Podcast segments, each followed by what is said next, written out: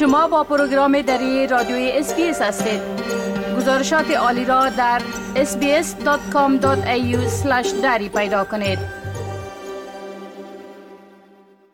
حال وقت صحبت با جاوید روستاپور خبرنگار برنامه دری رادیوی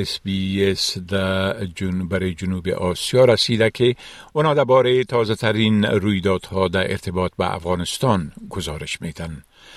آقای روستاپور سلام عرض می کنم خب اولتر از همه گفتم این که سازمان ملل متحد به خاطر کاهش کشت و قاچاق مواد مخدر در افغانستان ابراز خوشنودی کرده بله؟ با سلام وقت شما بخیر آقای شکیب برای همان گونه که شما اشاره کردین دفتر مبارزه با جرایم, جرایم و مواد مخدر سازمان ملل متحد در پیامی اعلام کرده که یافته های دفتر نشان می‌دهد که کشت خشخاش و قاچاق مواد مخدر در افغانستان نسبت به سال گذشته 95 درصد کاهش یافته است. به اساس گزارش درآمد دهقانان یا کشاورزان افغانستان از فروش خشخاش در سال 2023 92 درصد کمتر شده و از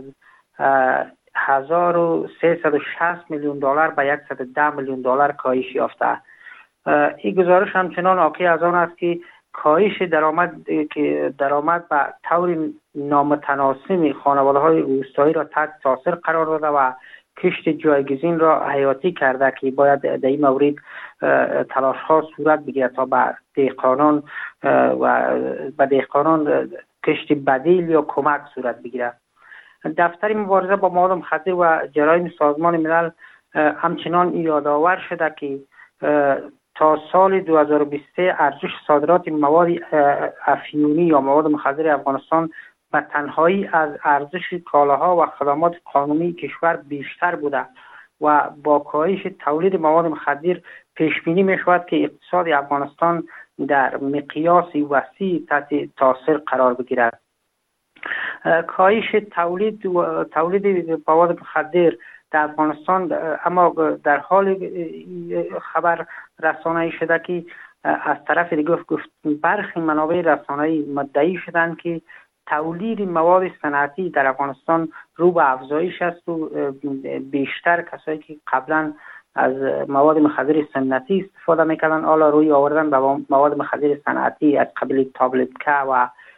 برخی مواد دیگه که بیشتر استفاده کنندگان این مواد هم طیف جوانان هستند که یک نگرانی دیگه هست بله خب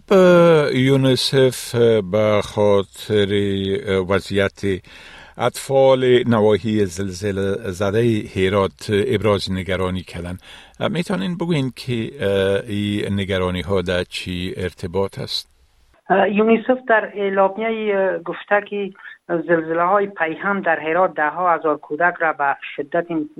به صورت بسیار جدی متاثر کرده و اگر حمایت صورت نگیرد و خدمات مناسب ارائه نشود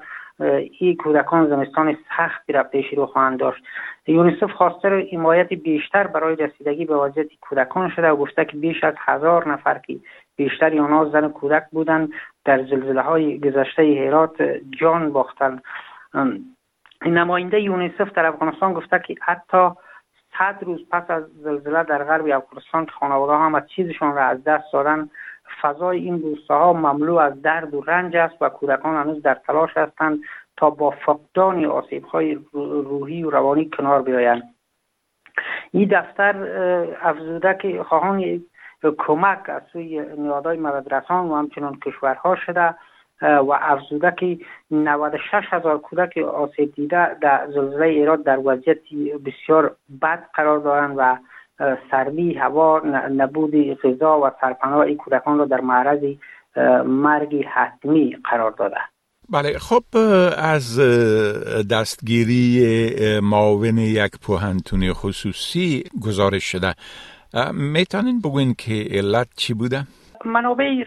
ای از بازداشت معاون یک پوهنتون خصوصی مجازی در افغانستان که هفت هزار محصول دختر را به صورت آنلاین این پوانتون پذیرفته خبر دادن. محمد عمر قوربندی رئیس هیئت مؤسسان پوانتون آنلاین افغانستان یا روشن گفته که طالبان جاوید نورزاد کاکر معاون امور محصولین پوانتون را چند روز پیش بازداشت کردن و سرنوشت هیچ اطلاعی در دست نیست. اون مدعی شده که علت بازداشت آقای کاکر و فعالیت او در پانتون بوده و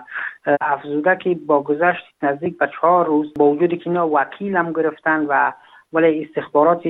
طالبان نه اطلاعی به وکیل داده و نه هم به خانواده یادی که در چی وضعیتی قرار دارد و ادعا کرده که اینا اطلاعاتی در دست دارند که آقای کاکر زیر شکنجه در استخبارات طالبان است. پوانتون آنلاین افغانستان پس از ممنوعیت آموزش دختران در ماه قوس 14 یک تاسیس شد و از آن زمان تا کنون بیش از هفت هزار زمینه درس برای بیش از هفت هزار دختر از سراسر افغانستان به صورت آنلاین فراهم کرده است. که این مسئله گفته میشه وزارت تحصیلات عالی طالبان را واداشته تا به استخبارات طالبان یک نامه بنویسد تا معاون پوانتون را بازداشت کنند بله خب مردم افغانستان از فعالیت های بانک های خصوصی شکایت دارن. اگر لطفا در ای باره معلومات بتین. بله مردم گفتن با وجود که در افغانستان بانک برای بانک های خصوصی میار تعیین کرده که در یک هفته باید هفتاد هزار افغانی یک هزار دلار آمریکایی اینا بتونن از سپردهایشان پول دریافت کنن ولی بانک های خصوصی پولایشان را به وجود که ساعتها در صف استاد میشن برایشان پول نمی‌دهد و حتی برخی بانک ها در یک هفته ده هزار افغانی برایشان در ولایت پول میتر اما سخنگوی در افغانستان بانک حکومت طالبان گفته که به گونه تدریجی در این بخش پیشرفت داشتن و در آینده نزدیک گامای بیشتری خواهند برداشت تا سهولتی برای مشتریان ایجاد شود. ولی شکایت مردمی است که بانک مرکزی با وجود که دستور داده چقدر پول به مشتریان داده شد ولی نظارتی از بانک ها صورت نمی‌گیره. با وجود در ولایت مردم بسیار با مشکل مواجه هستند و این مسئله اگر رفع نشد. اعتماد مردم با بانک ها به صورت کلی در آینده نزدیک از بین خواهد رفت. بله خب بسیار تشکر آقای روستاپور از گزارشتان و فعلا شما را به خدا می سپارم و روز خوش برتان آرزو می کنم وقت شما هم خوش خدا حافظ ناصرتان می خواهید این گناه گزارش ها را بیشتر بشنوید؟ با این گزارشات از طریق Apple Podcasts، Google Podcasts، Spotify و یا هر جایی که پادکاستتان را می گیرید گوش دهید.